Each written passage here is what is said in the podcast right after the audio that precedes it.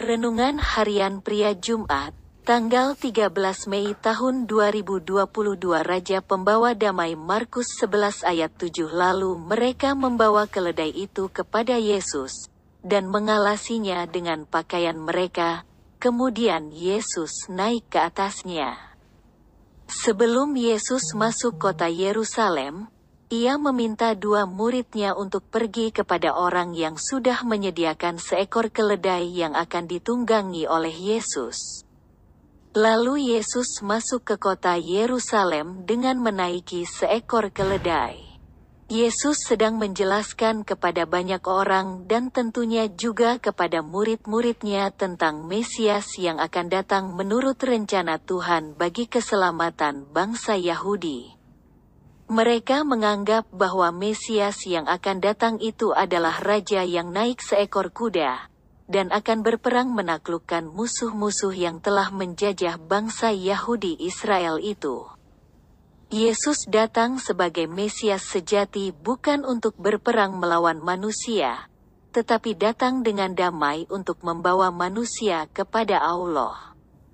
Sampai saat ini bangsa Israel pada umumnya tidak atau belum percaya bahwa Yesus adalah Mesias yang sejati.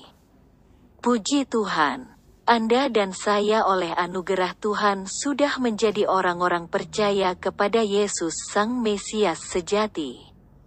Melalui karya salibnya, ia sudah mendamaikan kita dengan Allah. Dan Yesus sudah memenuhi kehidupan kita dengan damainya. Marilah setiap hari kita alami damainya baik secara pribadi maupun bersama keluarga dan saudara-saudara seiman. Dan marilah kita juga menjadi pembawa-pembawa damainya bagi orang-orang lain di mana pun kita berada.